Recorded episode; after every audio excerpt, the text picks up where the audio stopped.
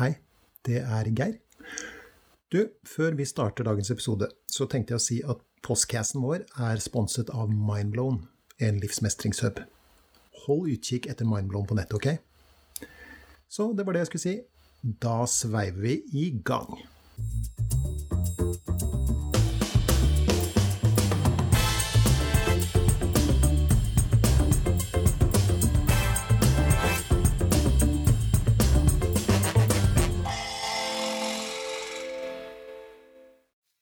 Alt bra med deg ellers?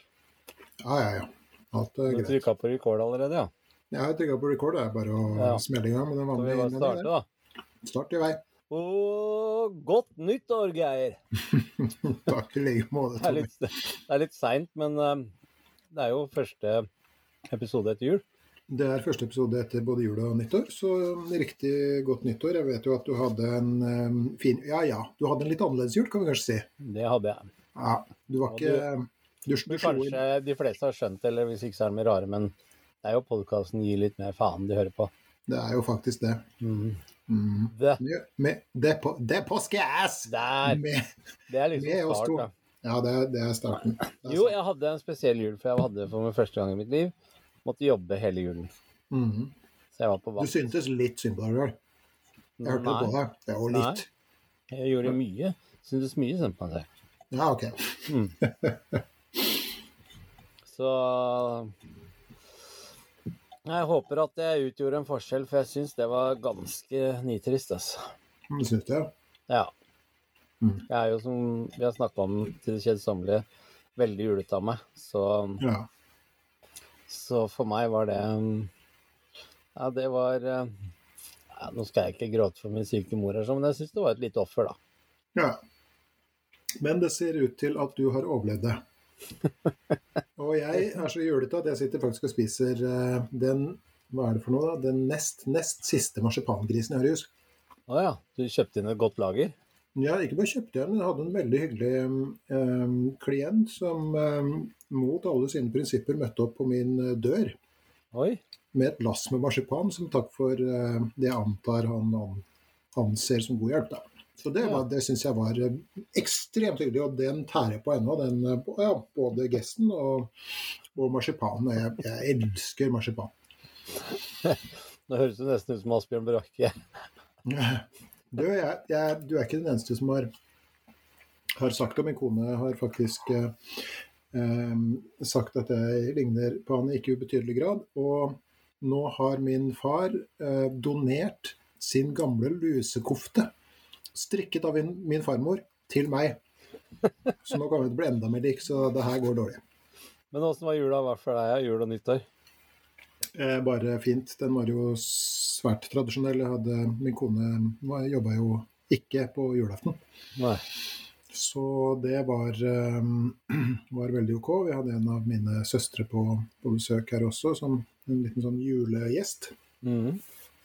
Så alle hjerter gledet, gledet seg, og, og det var egentlig veldig, veldig, veldig, veldig, veldig, veldig hyggelig. Eh, Med alt det som ja, vi snakka om i, i juleepisoden som, som skal være der, julefilmer og ditt og datt. Så det gikk helt etter planen.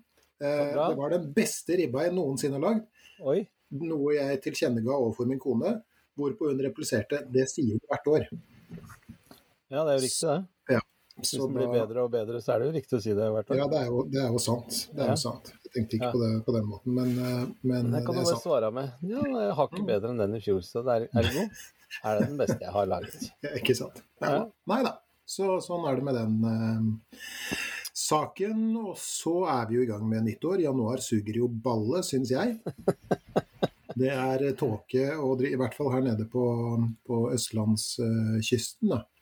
Ja, Så er det jo stort sett uh, tåke og sludd og is det går i. det er det i dag i hvert fall. Så er det veldig tåke. Ja, veldig. Um, Jeg som bor ved fjorden, eh, blir jo vekket av Åh, Og har du sånn tåkelur i nærheten? er båtene. Alle store skip.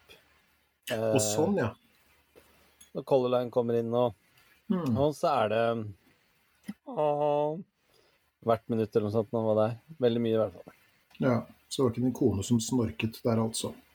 Nei, det er, eh, det er en helt annen lyd. Ja.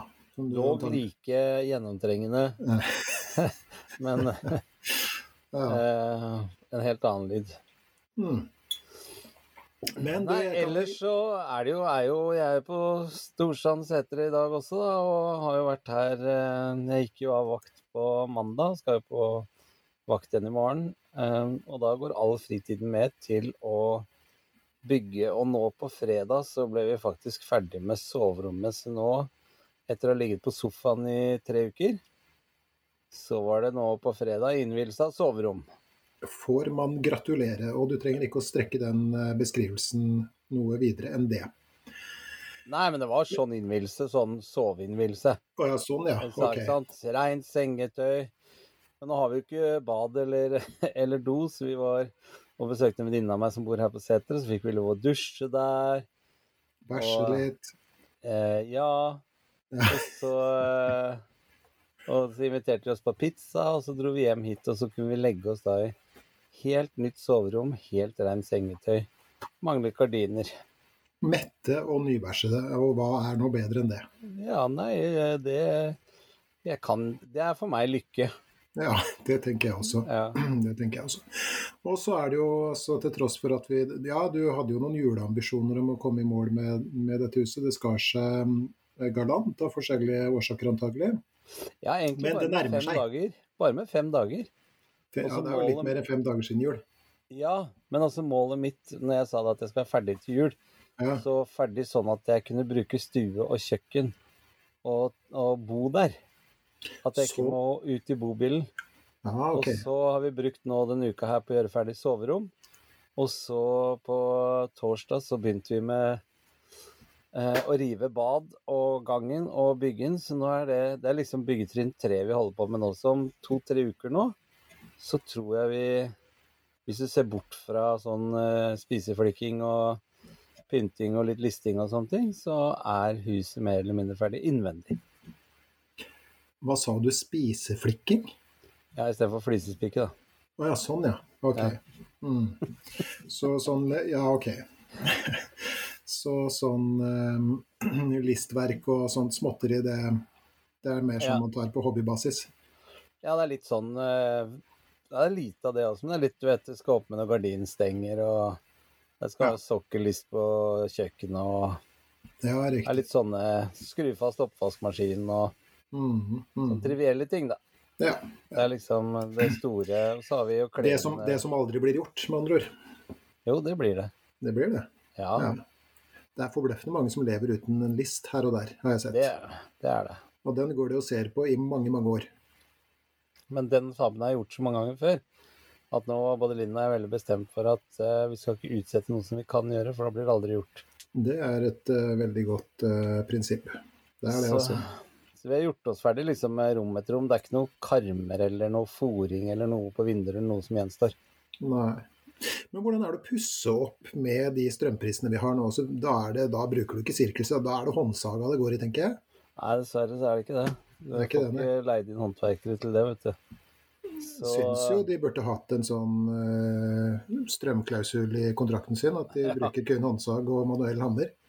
Nei, jeg er så glad i den nye regjeringa, så det, det gjør jeg med et smil, altså. Ja, du er glad for å bidra. Ja, er du gal?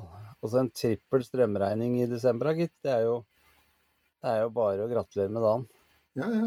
ja nei, men det er Så- eh, Han sa det jo før valget. Nå er det Ja. vanlige folks tur til å bidra, sa han. Ja. Så nå er det Ja, det var greit, det. Men heldigvis så passet de på å stenge ned Norge samtidig, så jeg heller ikke hadde noe inntekt som artist, da. Så, Ja, men da sånn kjenner, da kjenner du at du lever. Ja, ellers så tror jeg jeg kanskje ikke hadde merka de strømgreiene så godt. Men uh, det, det skal de ha. De er flinke til å, så, til å sørge for at vi vanlige folk merker det på kroppen, da. Mm, mm. Men jeg kan trøste deg med at det akkurat i dag, når dette spilles inn, altså da 23.1.2022, mm. så er det 1 time og 21 minutter lenger sollys. I know. Så hvis du er litt kald, så kan du alltids gå ut i veggen og så varme deg litt. Grann. I tåka. Det Ja, bli, ja, det- begynner, det begynner å bli en liten lunk nå. I den grad det er sol, selvfølgelig. Men det var det jeg skulle si i stad når du sa at eh, januar suger balle. Ja. Eh, Så gjør det ikke det, selv om jeg ikke er så glad i vinter og Nei, så glad i høst og mørke og slaps og is og sånne ting, så er det, synes jeg, januar er så betydelig mye lettere enn eh, november, f.eks., hvor det blir For nå blir det lysere og lysere for hver dag. Mm. Det er sant, men på den annen side, og mulig at vi nevnte det i forrige episode også, det å, å være i november, det er jo, syns jeg også er ganske sånn tungt, da. Eh, Men da går det mot jul, Ja, ikke sant? Og vi pynter og styrer og holder på. Hjelper Ja, ikke det- det. Nei, det er altså november er blytung. Mm. Mye mer tung enn uh, januar. Ok. Da sier jeg som dikterhøvdingen ikke sa, jeg velger meg november Ja. Framfor januar. Men nå er den jo snart over, så det spiller ingen rolle. Tida går, som du sier. Og vi går mot lysere og bedre tider. Det gjør vi. Og om tre dager kjører jeg min sønn i militæret. Tenk deg det. Tenk det, lille gutten. Ja. Hæ? Pappas lille kompis, nå skal han ut i verden. Fytte katta. Ja, ja. Nei, der ser du. Det er, eh, det er faser, og det er eh, Hva skal vi kalle det, da? Vet ikke hva jeg skal kalle det engang, jeg. Mm, Sånn livsgreier. Nei, Hele tida. Helt fantastisk. Alle som hadde hatt muligheten til det, skulle gjort det. Hva tenker du å sende en sønn i militæret? Ja. Mm.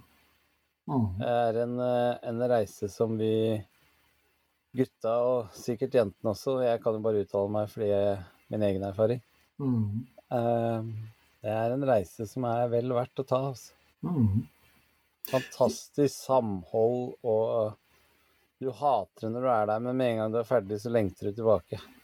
Ja, det blir noen gode historier av det, om ikke annet. Ja. Jeg tror, det er andre, det er andre forhold i dag, altså. Det virker mer gjennomtenkt enn da vi kom inn og fikk liksom slengt til oss noen klær av noen sure kjerringer på depotet og surra rundt i tolv måneder. Nå er det, det, nå er det program. ja, det var Jeg tok jo en slags utdannelse i Forsvaret. Det var knallfint. Mm. Var jo eh, Men jeg er såpass gammel at når jeg kom inn, så fikk vi altså brukte marsjstøvler. Mm. Lave marsjstøvler med anklets. Du var på Det var så Det var rett etter andre verdenskrig der, altså. Ja, når jeg tenker om, så var det vel strengt tatt under. Ja, ikke sant? Ja. Mm. Nei, det var jo Jeg var jo inne Når var det jeg dro inn i militæret? 1990. Det er jo Ja. ikke så innmari lenge siden. Nei, det er det ikke. Jeg var jo inne 32 år, bare. Ja, ja, ja. Det er jo ja, i vikingtida så var det godt og vel en mannsalder. Det var det. Mm. Men eh, Nei, jeg ville ikke vært foruten. Eh, eh, Lave støvler, anklets og sånn munningsladet muskedunder, var det det dere hadde? Nei, pil og bue. Krag Jørgensen. Det var AG3 og Glock. Ja, det var det. Å, hadde Ja. klokken kommet òg? Du verden. Ja. ja. Nei da, han gleder seg. Det her blir uh, bare fint. å det dritfett. Ja, det tror jeg også. Det tror jeg også. Så får vi håpe at uh, Ivan uh, over grensa holder seg i ro, da. Ja, du Men- tenker litt på det med Ukraina sånn da, når du sender sønnen din i militæret nå?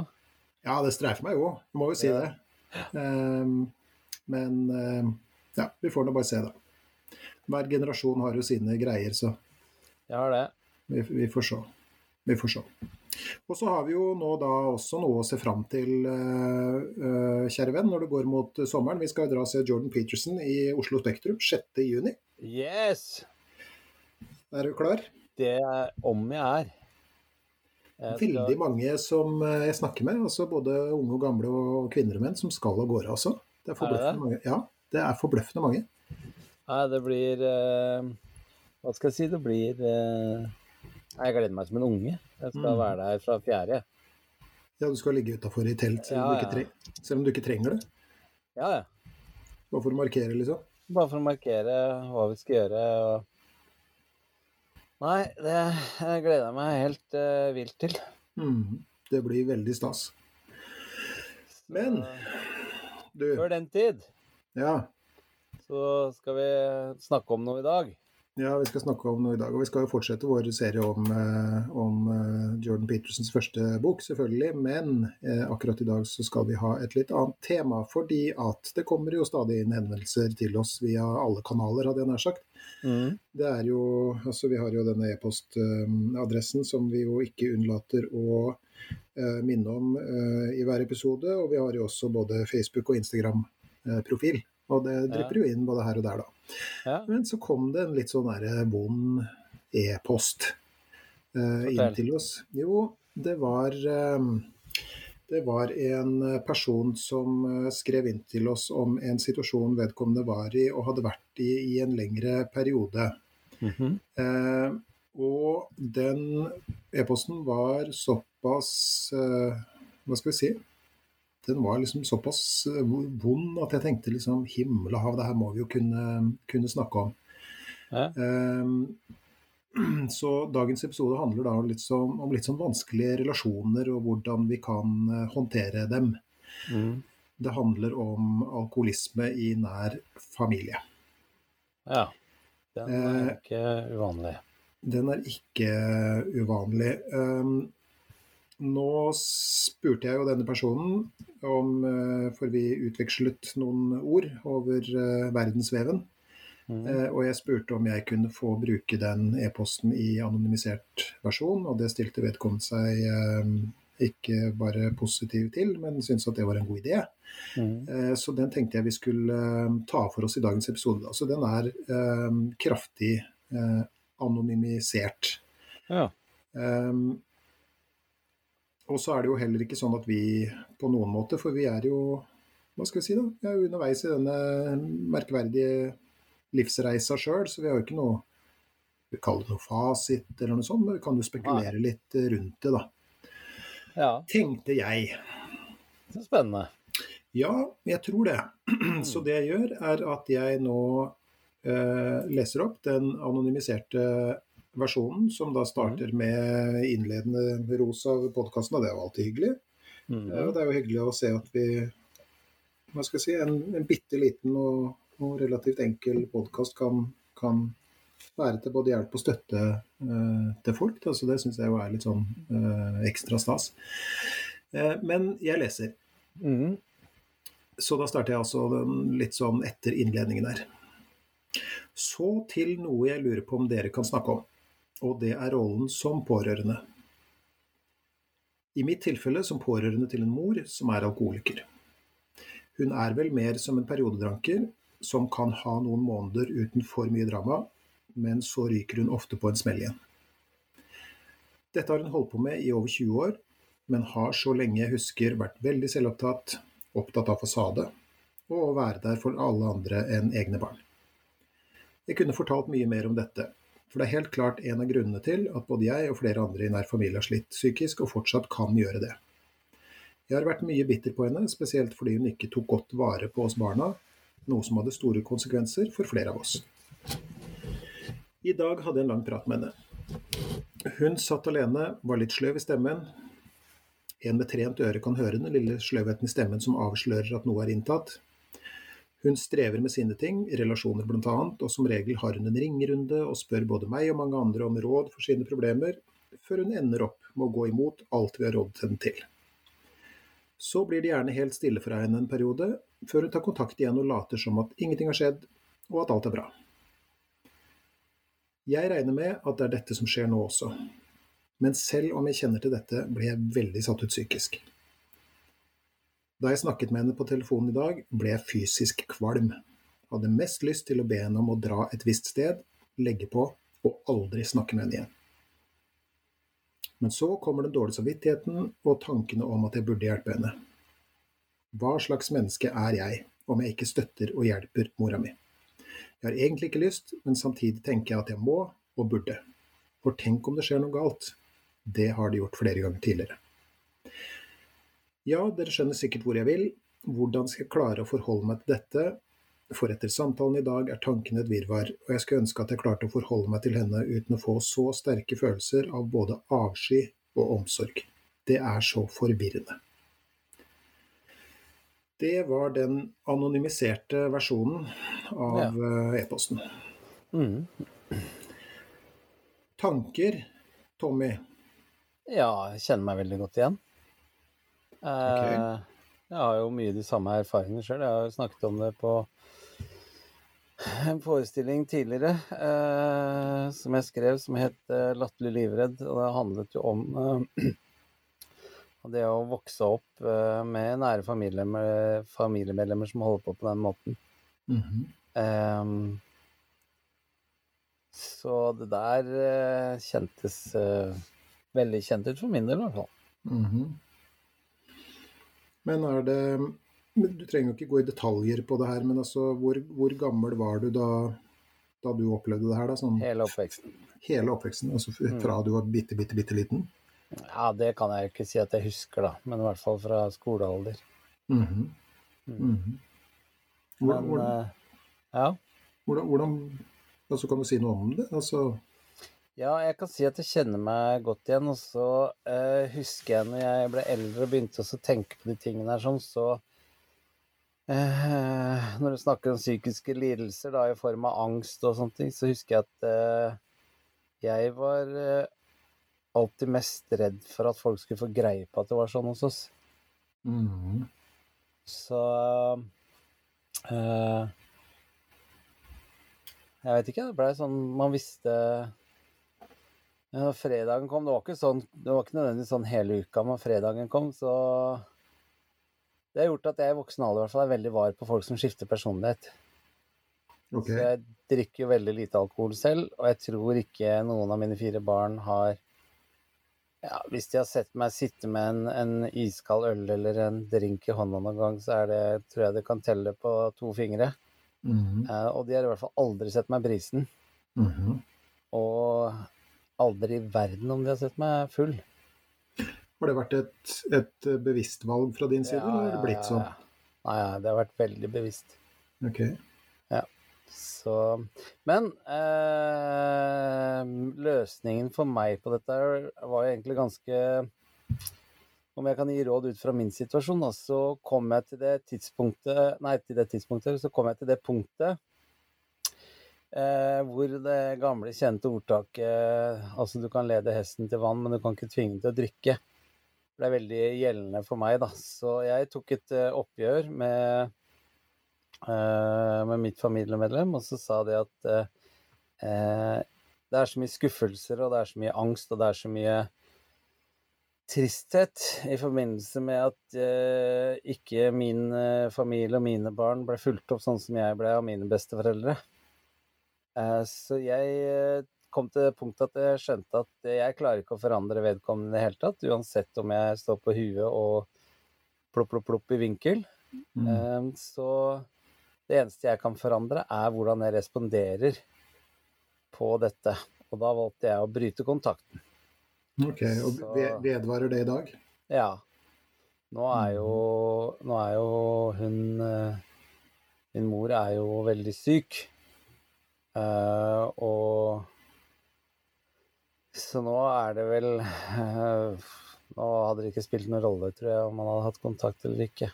Mm. Så jeg har kanskje litt mer kontakt nå enn jeg hadde før, men det er mer eh, Det er, det er av omsorg, Mhm. ikke av noe annet enn omsorg. Eh, Men jeg tok i hvert fall og sa brøt den kontakten, og bestemte meg for at uh, denne sirkelen skulle i hvert fall stoppe med meg. Mhm. Jeg skulle ikke dra dette videre med mine barn. Og, uh, og det gjorde det etter hvert mye lettere for meg. Kjempetungt og dritt i begynnelsen, men uh, mye mer forutsigbarhet, mye mer trygghet.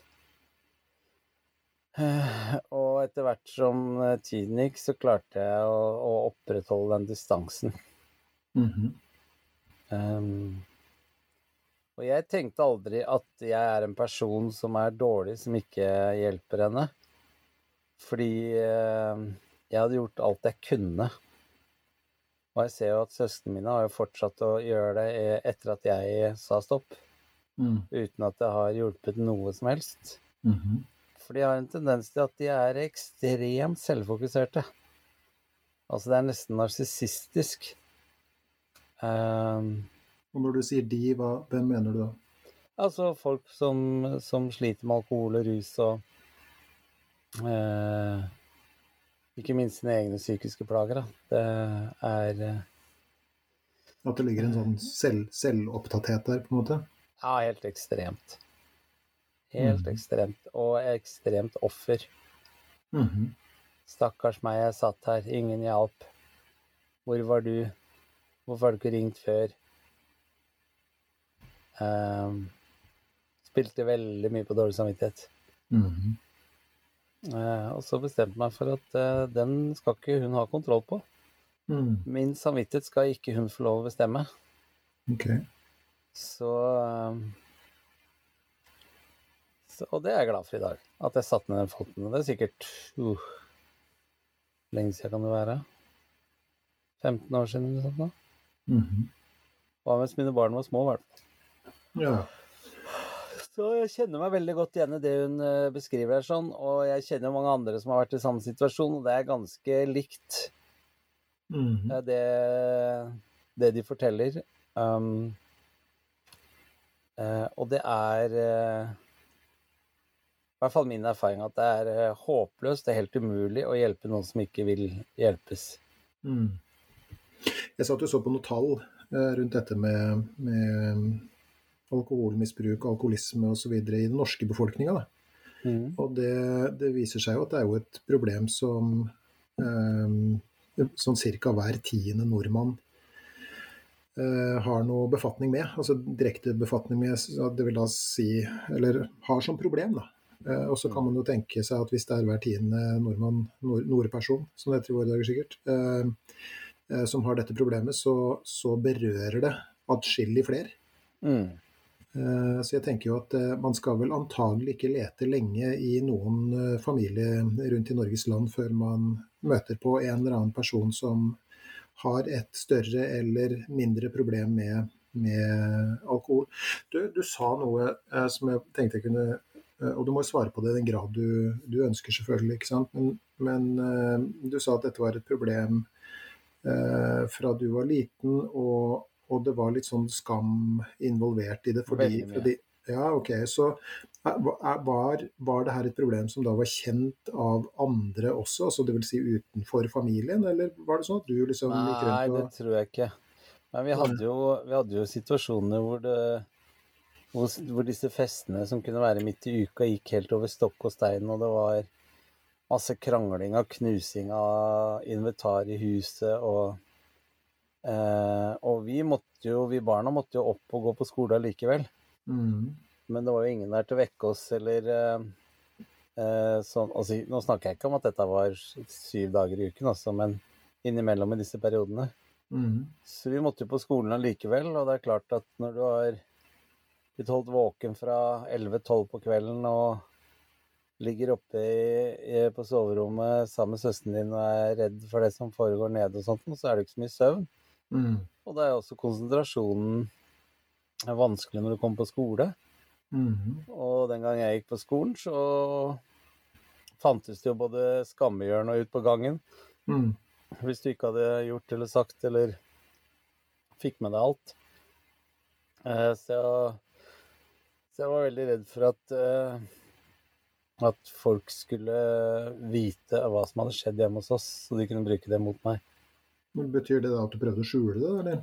Ja, ja. Alle, alle vi søsken gjorde det. Ja, ok. Så ikke noe, ikke noe voksne som tok tak i det problemet der, høres det ut som? Nei. Det var nok mange som visste om det. er nok eh, en og annen med dårlig samvittighet i, i våre omgangskretser også, som, eh, som visste hva som foregikk, og ikke, ikke tok tak i noe. Mm. Enn en da du liksom ble, ble eldre, da, typ sånn tenåring og sånn, altså, kan du huske hvordan du håndterte det da? Mm. Håndterte du det noe annerledes enn da du var liksom barn? Ja, jeg flykta. Flykta, ja. Mm. Hvordan da? Nei, jeg hadde en fantastisk hund, og eh, jeg er jo vokst opp på Setre, her hvor jeg faktisk sitter nå, Setre Hurum. Det er jo vanvittig mye herlig natur. Så jeg stakk eh, mange ganger til skogs.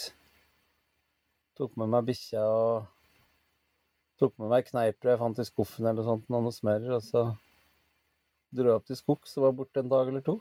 Mhm. Da visste jeg at det var rolig når jeg kom hjem igjen. Mhm.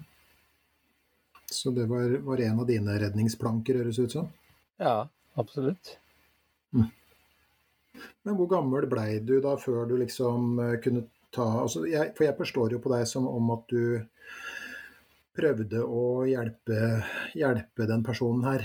Eh, men, men hvor gammel var du da du liksom skjønte at ja, men det her funker jo ikke? Nei, det er at du vokser opp med å synes synd på og bli veldig indoktrinert i dems verden. Mm. Og da er det jo alle andre som har forårsaket at det har skjedd. Mm. Alle andre som har forårsaket at eh, hun ikke har det bra. Det er alt fra skolevesenet, skattekontoret, barnevernet, skolen, eh, sosialkontoret. Alle var jo, eh, var jo noen onde djevler.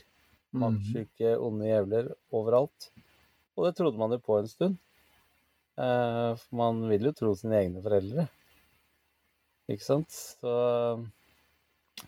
så jeg måtte liksom bli litt sånn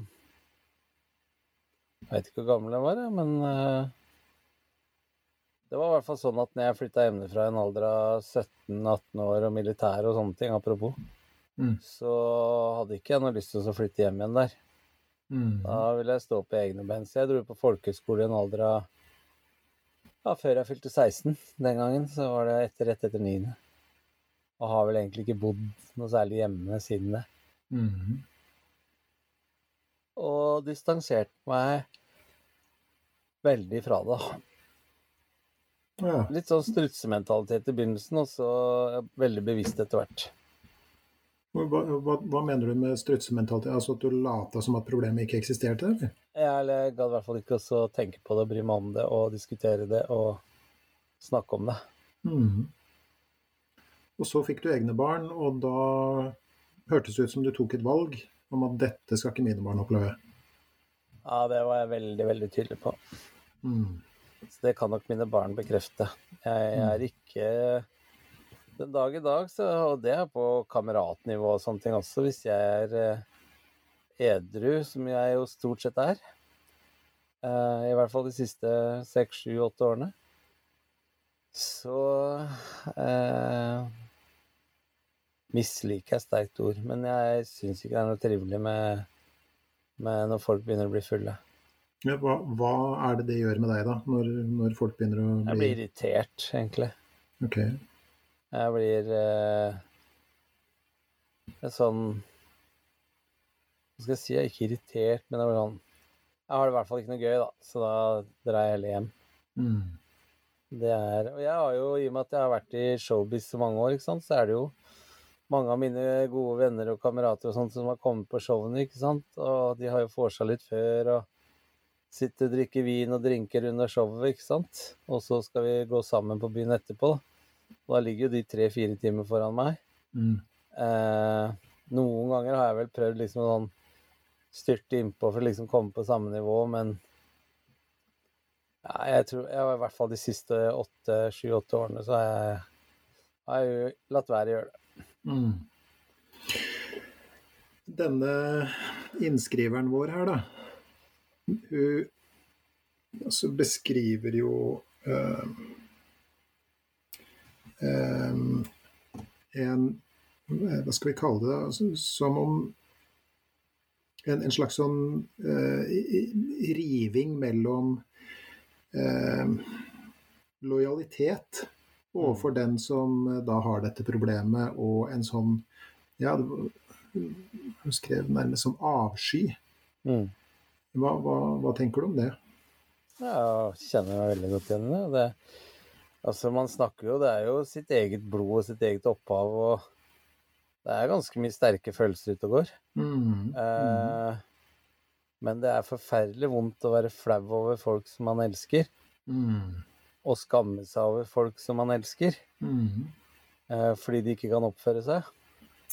Eh, og jeg dømmer ikke Jeg, jeg var bitter eh, en stund. Eh, men i dag så ser jeg, har jeg jo sett at eh, hun gjorde absolutt det beste hun kunne gjøre ut ifra det ståstedet som hun hadde, mm, og det hun trodde var det riktige å gjøre.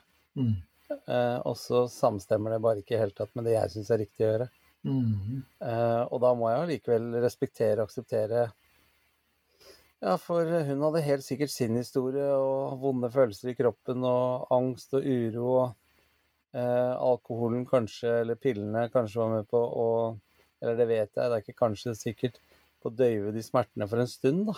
mm, Uh, men jeg var også bitter lenge på at, at det gikk utover oss barna.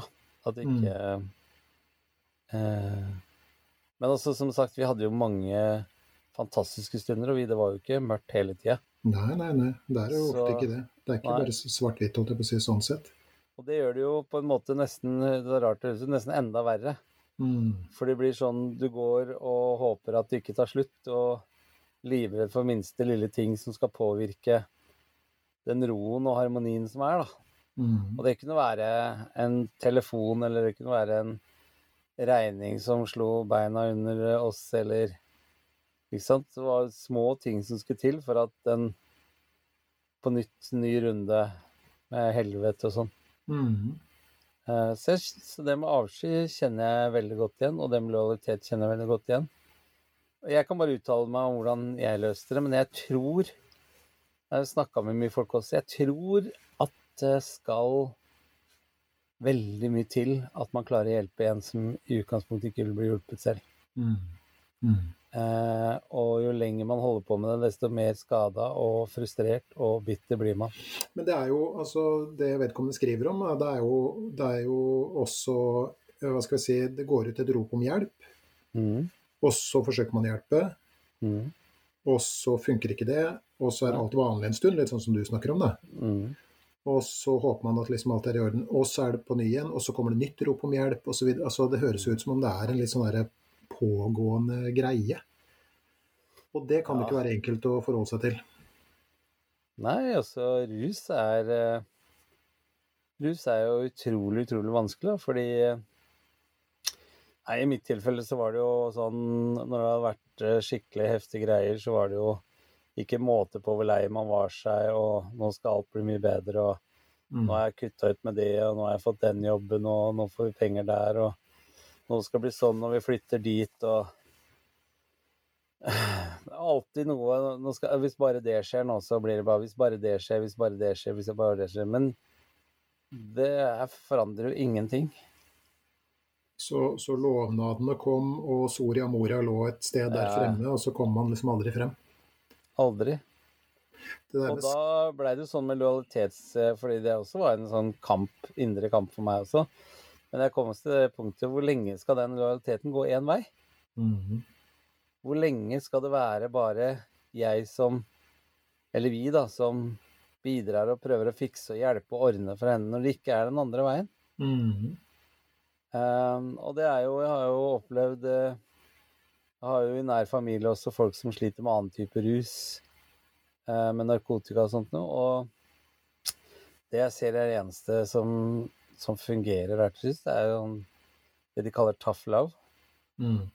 Altså det er eh, For så lenge du hjelper til, og så lenge du bidrar og rydder opp etter vedkommende gang etter gang etter gang etter gang, så slutter vi aldri. Tar seg Mm. aldri sammen. Mhm. Det der er veldig sånn sammenfallende med noe som jeg hørte en av mine læremestere snakke om en gang. Han var en, en ikke så gammel da, for så vidt, og er det fremdeles ikke, men han var da førsteamanuensis på universitetet og hadde jobba, jobba mye med, med rusproblematikk og sånt noe. Og han sa en gang, og det, det glemte jeg aldri, han, han eh, altså Det finnes jo forskjellige hjelpeprogram, ikke sant? og et av de mest eh, berømte antagelig er jo dette tolvtrinnsprogrammet til eh, anonyme alkoholikere. Eh, og han sa at det var ikke uvanlig at folk som tok kontakt med anonyme alkoholikere, etter en prat med dem, fikk beskjed om å gå hjem og drikke mer. Eh, og det høres jo litt sånn underlig ut. Men det som var hans eh, poeng, da, og åpenbart poenget med å få, å, å, å få beskjed om å gå hjem og drikke mer, og, og antagelig er jo ikke det hva skal jeg si, Det ble nok ikke sagt på den måten, men bud, budskapet var nok det. Men poenget med det er at eh, det finnes nok en god del mennesker som har den type problemer, som ikke har sterkt nok insentiv til å gjøre noe med det før de liksom har truffet skikkelig bunn. Ordentlig, ordentlig, ordentlig sånn rock bottom, som de sier på, på nynorsk. Mm. Og det, den eh, litt sånn læresetningen der har jeg aldri, aldri glemt. For det er jo Det er litt som i, i terapirommet også, hvor man kan oppleve at eh, det dukker opp noen der som nærmest har fått beskjed om å gå og motta noen form for terapi fordi at en eller annen ektefelle eller noen barn eller venner eller sånt har sagt at her må det, er det ting som må ordnes. Så det er liksom ikke deres egen drive da, som har fått dem inn dit. Og da er erfaringa på samme måte som det vi nå snakker om, da, at det, det, går ikke an å hjelpe noen som ikke vil hjelpe. Så det er som om du liksom du står på du står på brygga, så er det noen som holder på å drukne, og de roper om hjelp. ikke sant? Og så kaster du ut en sånn derre eh, Vesta-bøye, ikke sant. Eh, og så svømmer de bort fra bøya, og da, da blir det jo litt vanskelig. Mm. Eh, så, så, mekanismen bak der er antagelig noe i retning om at hvis det liksom ikke virkelig gjelder, og det ikke kommer innafra, da, så får du ikke gjort noen ting. Du kan ikke hjelpe noen uh, mot deres vilje, uansett om de sier at de vil hjelpes eller ikke, på en måte. Mm. Og det kan være ganske sånn vondt å se på. Og en annen ting, sånn uh, apropos det du um, snakker om nå, og som også det snakkes om i, i denne e-posten, så dette med skam uh, er jo også noe som jeg kommer borti i, i, i veiledningssammenheng eller terapisammenheng. Da. Og det med å være liten og skal gå ut og f.eks. skjule ting som foregår hjemme, trenger ikke være så liten heller. Ikke sant? Du kan godt være voksen for den del. La oss si at du har en forelder da, med et alkoholproblem, og det går ut og, og, og skjule det på vegne av andre. Men også er det, altså det, er ikke, det er heller ikke uvanlig at man liksom skammer seg over sin egen oppvekst. Ikke sant? Og det er veldig mange som da har gått og båret på den der skamfølelsen et uh, halvt liv. Og det vi da må snakke om, er jo hvem skam er det du bærer? For det er ikke din skam du bærer, ikke sant? Det er Nei, Overhodet ikke. Nei. Men også den derre Hva skal vi kalle det da? Det, derre det er som å være litt sånn opprørt følelseshav. ikke sant? Den ene bølga er lojalitet, den andre er avsky, den tredje er omsorg, den fjerde er forakt, den femte er skam. ikke sant? Mm. Um, det, er ikke, det er ikke et godt sted å være som pårørende. Eller som f.eks. barn av, barn av en, en alkoholiker. Og ofte så må vi jo bli Det her må vokse litt på oss, og vi må gjøre oss noen erfaringer. Og vi må bli eldre og modnere før vi liksom virkelig tar inn over oss da hvor landet ligger. Og noen ganger så ligger det landet der hvor at vi må innse at denne personen kan jeg faktisk ikke hjelpe. Og the proof is in the pudding som mm. eh, engelskmennene sier. Ikke sant? Beviset er at du nå har såpass mye data på hva som skjer hver gang du eh, trår støttende til. Enten det er å liksom sitte og lytte eller, eller gi praktisk hjelp, så, så, går det alltid på samme måten. Mm. Og da er jo det en, eh, en slags sånn eh, pekepinn på eh, hva som da da, da, har du i hvert fall et godt datagrunnlag for hva som ikke virker. Mm. Uh, så da er jo spørsmålet liksom Hvor går grensa for hvor langt du skal strekke deg? Hvor høy er prisen for at du strekker deg? Hvilken pris betaler du for å i en årrekke ha forsøkt å hjelpe noen som har vist at de ikke verken vil eller kan hjelpes? ikke sant? Og ikke minst, hvor skal lojaliteten din ligge? Og det er jo Vi er jo, vi er jo barna til våre foreldre hele livet, ikke sant? Eh, og jeg tenker jo at samme hvor gamle mine barn, så vil jeg være liksom Ikke sant? Faren deres. Mm. Om, om, jeg blir 100 eh, og, og dattera mi er 70, ikke sant, så, så, så er hun fremdeles den lille jenta mi, da. Så det, ikke sant? Altså, skjønner du? Er, det, er en, det er, jo en, sånn eh, underlig greie. Men Og jeg skjønner at det her ikke er gjort i en håndvending, og dette er også en slags sånn eh, prosess som nødvendigvis ikke har noe slutt heller. Men, men, det er sånn som jeg ser det, både som menneske og som, som terapeut, da, så, så vil det før eller senere forhåpentligvis og kanskje gjerne i samråd med andre nære familiemedlemmer, type ektefelle og egne barn og sånt noe, um, tvinge seg fram en slags sånn diskusjon som går på dette med at, altså, hvor skal min lojalitet primært ligge. Mm. Og jeg personlig, og det her er lov til å være uenig, men jeg personlig har jo en klar oppfatning av hvor din lojalitet som voksen skal ligge. Den skal ligge hos deg selv.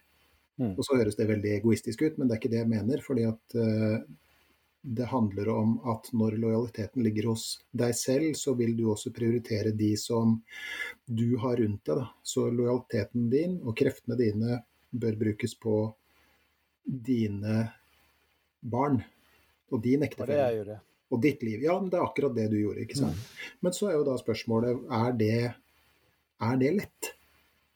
Lett er det ikke, men veldig viktig. Mm. Det er eh,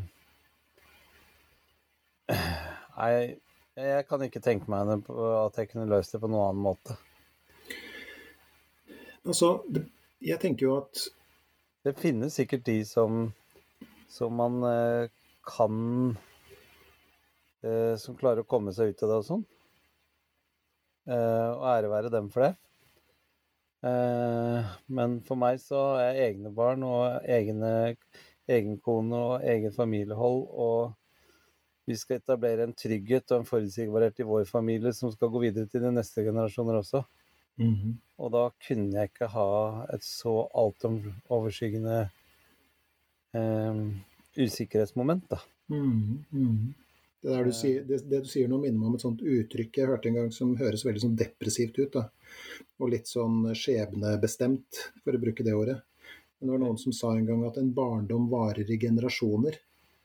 Og Mm. det høres jo ut som at ja, hvis du har vært utsatt for noe fælt da du var barn, så vil du automatisk overføre det til dine egne barn, bla, bla, bla, bla. bla. Ikke sant? Men det er ikke, det er ikke sånn jeg tolker det, i hvert fall. fordi at poenget er at hvis du Det er mange som mener at de liksom, eller har en sånn oppfatning Det er ikke sikkert at de greier å liksom, o, o, si, sette ord på det så godt heller, men, men det blir etter hvert tydelig at de liksom har en slags sånn oppfatning av at de bærer på en eller annen sånn ond arv. Mm. Ikke sant? Eh, type sånn hvis du hadde en far som var alkoholiker, ja, da må du passe deg, liksom. Ikke sant? For da, ja, da Det er ikke så rart hvis du blir alkoholiker sjøl, hvis du skjønner hva jeg mener. Eller hvis du hadde en mor med personlighetsforstyrrelser, så, så er, det, er du ekstra utsatt for det selv osv. Og, så og det, er ikke, det er ikke det som er greia. fordi at en barndom varer i generasjoner. For meg, da, så handler det om at hvis det er sant, noe det ikke nødvendigvis er heller, så betyr det også at hvis du er den personen som får snudd mønsteret, som kan ha vart noen generasjoner, for det kan vi også se, ikke sant? Ja. At det er en viss atferd f.eks. som går igjen i, i enkelte familier osv. Men hvis du er den som bryter den atferden og kall det det mønsteret, da, som ikke er liksom noe automatikk i at det skal være et mønster, men, men la oss nå anta at det er et mønster, og du er den som bryter det, Mm. så betyr det at du overleverer en annen type barndom til dine barn. Ikke sant? avbryte ringen. Så du må, Mm. må sørge for at uh, Og, da kan, avslutter den ringen der. ja, og da kan den vare i generasjoner, ikke sant? Mm. Eller det er en eller annen person som uh, enten opplever noe eller bestemmer seg for å bruke alkohol som en mestringsstrategi. Da. Og det er jo, hvis vi skal snakke litt sånn metakognitivt igjen, så, så er det måten det ses på i, i metakognitiv terapi også. Altså, det vil da si at alkoholisme har jo både en fysisk um, avhengighetsside? En komponent, da, men også en Mm. psykologisk eh, side. Og, og det å gripe til alkohol som en sånn dysfunksjonell mestringsstrategi er jo på ingen måte uvanlig. Og, og vi har jo snakka mye om dette før med og, uh, dette med unngåelse, hvordan det er vår fremste Altså vi, vi, oss menneskers da, fremste mestringsstrategi. Og det ligger jo en slags unngåelse, skråstrek utsettelse, i det å bruke alkohol. For la oss si at du er urolig, da.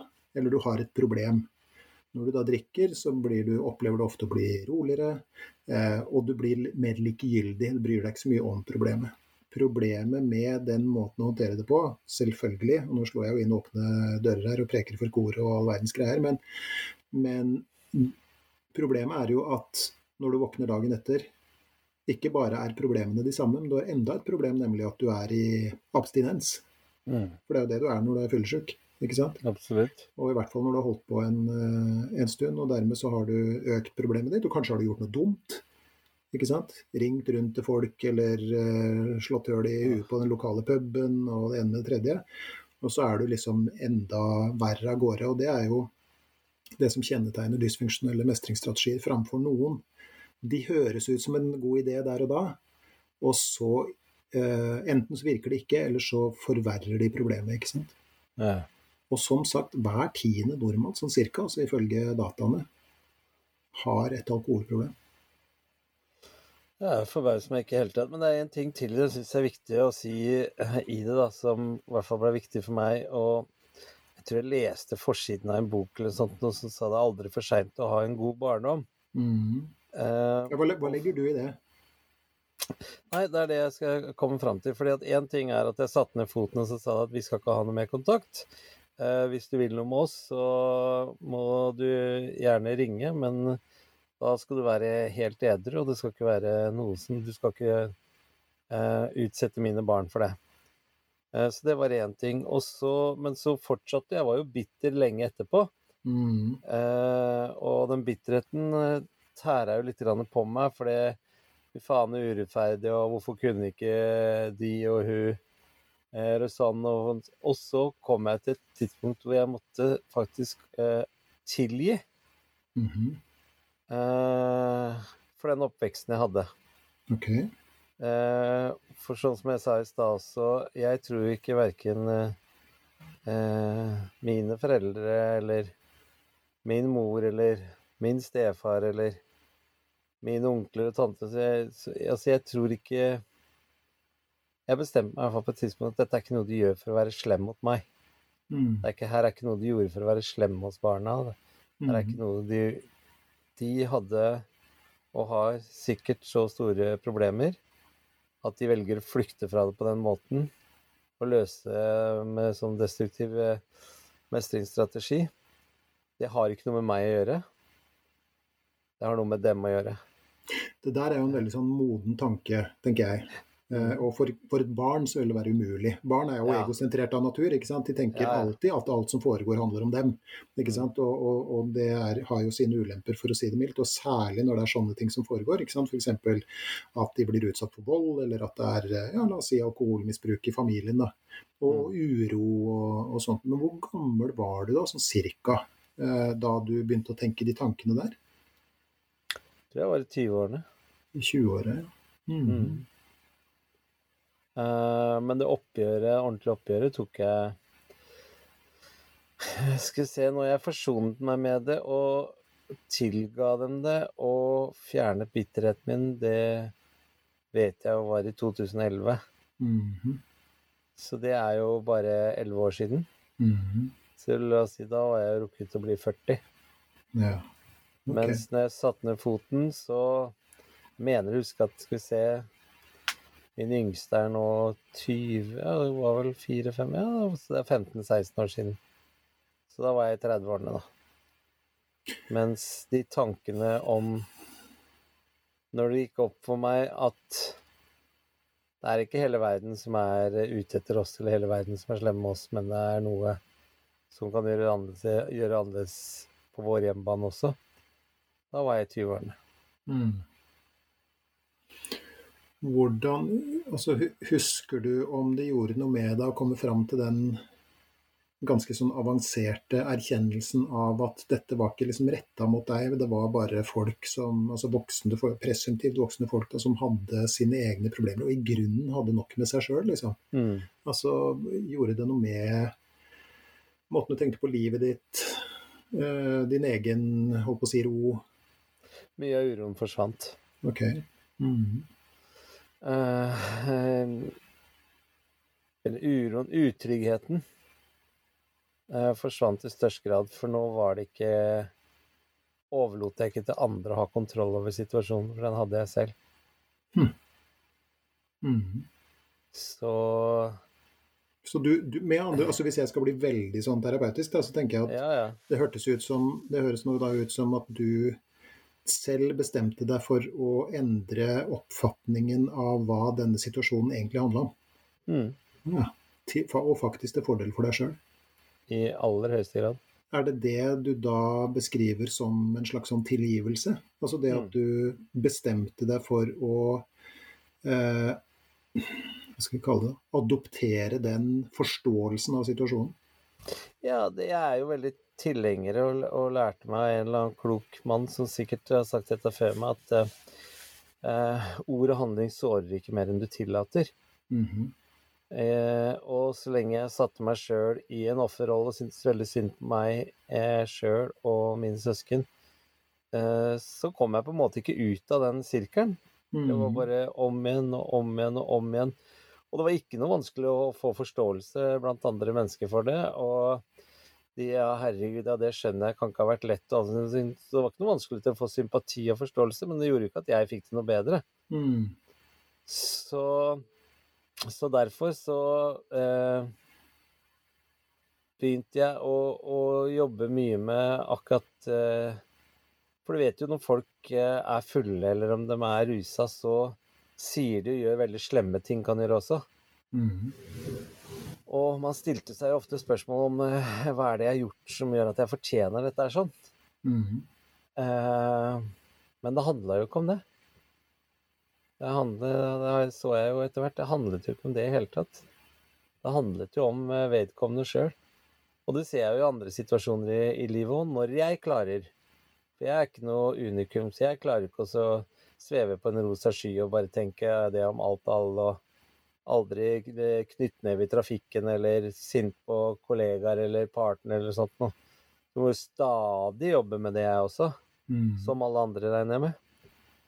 Men, eh, men uten videre sammenligning for øvrig, så er det sånn eh, Og en stund jeg irriterte meg over hvis jeg kjørte i, i venstrefeltet, og folk kom helt opp i rumpa på meg og blinka med lysa. Da kunne jeg bli forbanna. Og så var jeg ute og kjørte med en, eh, en eh, kamerat av meg. Og så er jeg ikke faen om jeg skal slippe forbi han, jeg kjører jo forbi. Han, han ser jo at ikke jeg kjører Faen, hva er det som er problemet hans? Og så sier denne kameraten til meg Kan tenkes at det er eh, noen hjemme som er alvorlig syke. Eller kan tenkes at han er, eh, må rekke fordi huset står i brann. Eller han må Det vet du ingenting om. Mhm. Og plutselig så ble det sånn Ja, faen, det har jeg ikke tenkt på, tenkt på før. Mhm. Og dette her overført da til de nære relasjonene som også er det. Og sånn, når de sa og gjorde vonde og slemme ting, så tenkte jeg alltid at det er fordi de vil være slemme mot meg. Mm. Men så begynte jeg å tenke det kan jo være helt andre ting som gjør at de gjør det. Det der, Oi. det der minner meg Hva var det nå? Hørte du lyden? Jeg, jeg hørte veldig lyden. Ja. Du har sånn mute-knapp på mikrofonen du, eller? Ja, jeg har det. Ja. Og så skraper jeg bort en pute som jeg har liggende over for å dempe lyden. Ehm, det der minner meg veldig om en eh, film som jeg så da jeg var ganske ung eh, student oppe i Trondheim. Ja. Heter uh, er fra uh, Den var fra Bergen. 'Bare skyer beveger stjernene', husker du det? Nei. Nei, Den blei veldig veldig populær. og Jeg tror den finnes sikkert på noe å få tak i et eller annet sted. eller noe sånt, Men i hvert fall det, og jeg mener da, Jeg husker den veldig sånn uh, vagt og hva skal jeg si, glimtvis, men, men det handler da om en uh, jente som mister et søsken, tror jeg. Eh, Og mora til denne jenta går inn i en voldsom sorgreaksjon. Eh, Og, og, eh, og denne jenta treffer da en gutt, og de blir venner og bla, bla, bla. Og hun får jo en slags sånn, for å bli litt sånn svulstig, da, litt sånn psykologisk støtte i, eh, i denne gutten. Da. Men hun, hun får jo ikke noe kontakt med mora si. Ikke sant? Mora er på en måte plutselig blitt utilgjengelig. Ikke sant? Eh, Fordi at uh, mora er i den sorgen. Men vi ser det jo gjennom jentas øyne, så jenta forstår ikke det der. Nei. Helt til en sånn scene mot slutten hvor, hvor uh, denne jenta og Nå er det fritt etter hukommelsen, altså, så jeg gir ingen garantier, men jeg tror det var sånn cirka sånn. At hun møter opp på et eller annet sånn uh, rekreasjonssted hvor mora da er Vi får vel inntrykk av at hun er innlagt uh, på dette stedet, da. Og så forsøker hun da igjen da, å snakke med mora si, og mora liksom nærmest avviser henne. Og, og, og, mora løper av gårde. Mm. Og så følger dattera etter. Mora har da løpt inn på en sånn låve på dette området her. Så jenta gjemmer seg der bak noe sånn høy noen høyballer eller et eller annet sånt på låven der, og så hører hun hva mora sier til seg selv. Dvs. Si, mora ber en bønn, da hun ber til Gud. Eh, og hun sier noe i retning av at eh, kjære Gud, ta vare på dattera mi, for jeg greier det ikke selv. Og da forstår dattera litt mer av hva det er som foregår. Mm. Og, og, at hun greier å trekke seg ut av hva skal vi si, kalle det litt sånn egosentriske barnesynet og får et litt mer sånn nyansert syn på at mora er også en person, eh, og hun har sine greier. Ikke sant?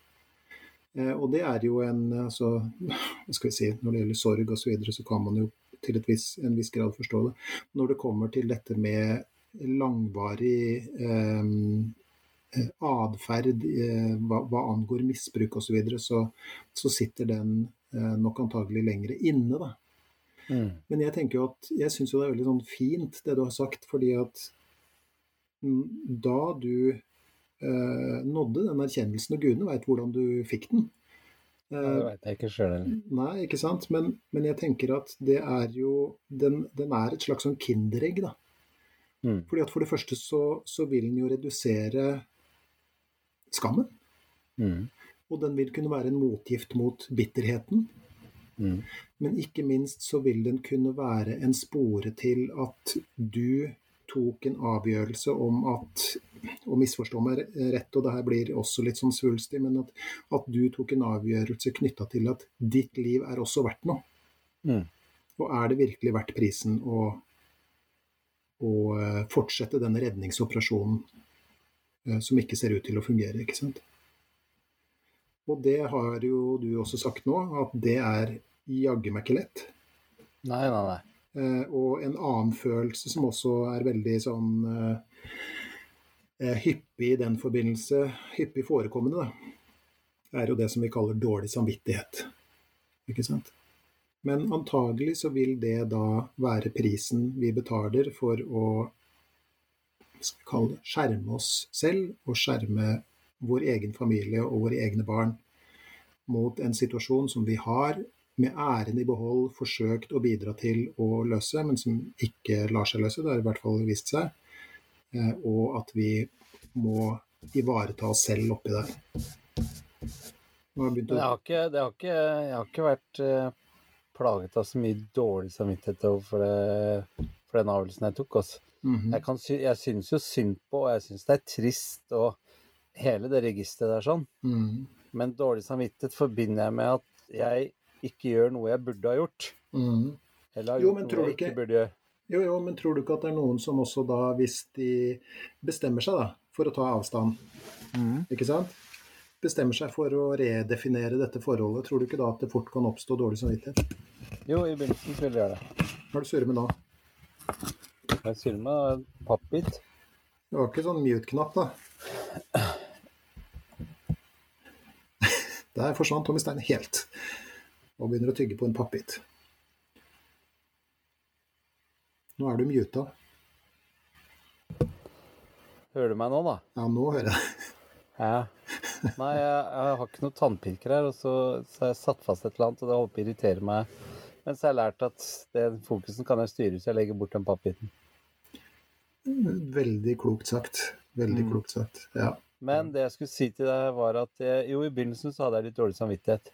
Mm. Men den, ja, etter hvert som det går opp for deg at det her har ikke noe med meg, det er ikke noe jeg har gjort galt. Mm. Det er ikke min feil at hun drikker, det er ikke min feil at hun er lei seg for at jeg har brytet kontakten. Det er ikke min feil, det er ikke min feil, det er ikke min feil. Så forsvinner den dårlige samvittigheten.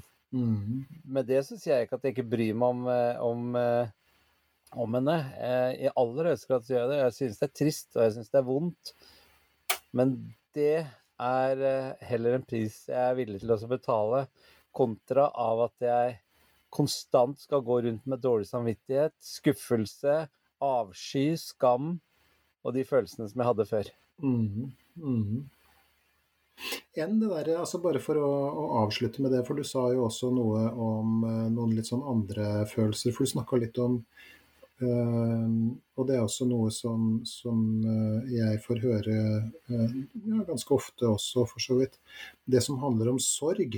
Altså sorg over at det ikke blei som det kunne ha vært eller noe i den retninga der. ikke sant? Altså, mm. Faen, hvorfor tok de de valg, livsvalgene de gjorde, og hvorfor var de sånn? og Tenk hvis jeg kunne fått vokst opp i en velfungerende kjernefamilie, hvem hadde jeg vært da, liksom?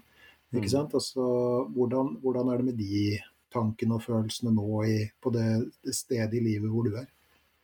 Det er også er når jeg tok det oppgjøret Som jeg sa, aldri for seint å ha en god barndom når jeg tok de valgene der, sånn, så gikk det med i samme dragsuget. Okay.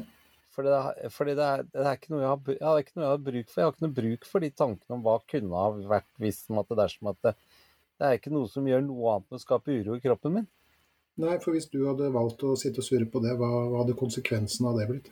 Ja, Da hadde jo bitterheten vedvart. Da. da hadde jo eh, uroen eh, Jeg var mye forbanna sint, ikke sant, irritert, skuffa, da hadde jo de vedvart. Mm. Så det å bruke tid og ressurser og energi på å tenke på hva som kunne ha vært, det bærer meg ingen steder. Mm. Jeg sier ikke at det aldri dukker opp, men jeg sier at de mm. tingene jobber jeg med. At, jeg, at sånn at jeg i mindre og mindre grad etter hvert, og egentlig ganske fort, om jeg får lov å si det sjøl, mm eh, forsvant. For det Ja vel, man kan se på det samme måten, men hadde ikke de tingene skjedd meg, så hadde jeg ikke vært den jeg er i dag, og jeg er ganske fornøyd med den jeg er i dag. Mm. Eh, var, no, var noen som sa noe i retning av at hvis du hvis du er på vei langs den livsveien og stadig ser deg tilbake, så øker sjansen for å snuble ganske kraftig. Veldig. Mm. Mm. Så mitt råd til eh, Eller ikke råd, men jo, råd. Mitt råd er eh, å ta et oppgjør med det. Først og fremst med deg selv. Eh, finne ut om dette her er noe du ønsker eller orker å fortsette å ha på samme måte. For uten å virke for dyster og pessimistisk, så er sjansene ekstremt store for at den situasjonen ikke forandrer seg. Mm. Og det er i hvert fall ikke vedkommende selv som klarer å påvirke eh, mor, var det mor, var det ikke det? Mm. Ja. Klarer å påvirke moren til å ikke være sånn. Mm. Men, eh. men, også, da, da, antar jeg også at en, en sånn beslutning som jeg mm. også vil jeg, jeg, tenker at den type beslutninger vokser fram over tid, ikke sant? Mm. Det er noe man kanskje går og surrer litt med, diskuterer med la oss si ektefellen sin f.eks. Mm. Uh, osv. Men, men den beslutningen kommer jo også med en pris. Mm. Altså Det vil være noen dårlige følelser ute og går osv. Det, det hører jeg liksom deg si. Mm. Mm. mm. Men den prisen er lavere enn å fortsette å la skura gå. Mm. Mm. Ja. Vet du, jeg tror at vi uh, avslutter med den, ja. Um, vi har jo vært inne på mye, mange fenomener um, underveis nå. Vi har jo noen tidligere tidligere episoder. Vi har bl.a. episode 21 som heter 'Bitterhet og nag', som kan være grei å, å få med seg i, kanskje i, i forberedelsene, om vi kan kalle det. Mm. Eh, episode 28 sorg. Eh, og ikke minst episode 38 om å hjelpe andre. Mm. Um, det kan være til hjelp med den beslutninga som ikke er enkel og som kommer med en pris, men som du sier kanskje kan bidra til at man ikke sliter seg fullstendig ut av. Mm. Eh, fordi at eh, Som vi snakka om i en, en tidligere podkast også, dette med at eh, vi får jo hele tida høre at, at blod er tykkere enn vann, som om det ligger en slags forpliktelse i det. Men det gjør det ikke hvis kostnaden er for stor, tenker jeg. Ikke sant? Og så er, det, så er det lov å være uenig i det, selvfølgelig. Jeg er enig, i hvert fall. Ja. Bra. Ok. Da eh, tenker jeg vi runder av den. Og så ja, skal du få reise på vakt igjen i morgen tidlig. Ja, du skal få lov å gå tilbake på jobben din også. også. Mm. Men vi vil jo fortsatt ha For du ser jo hva som skjer, og vi lager en utrolig i hvert fall syns jeg, interessant episode. Som følge av at uh, disse fantastiske lytterne våre sender oss mail. Så Mm. det må de fortsette å gjøre. Og hvis de skal sende oss, ikke mail, hvis de skal sende oss elektronisk post, Geir, Mm.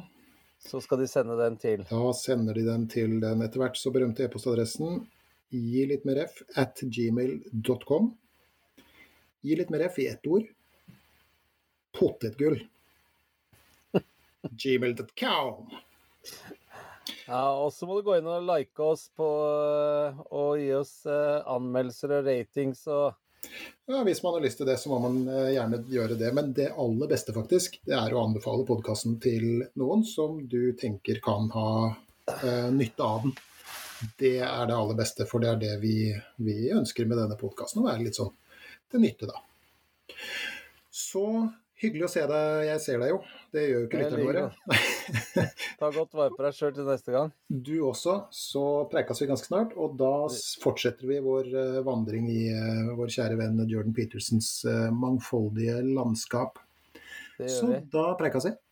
Det gjør vi, sjefen. Ha det. Ha det.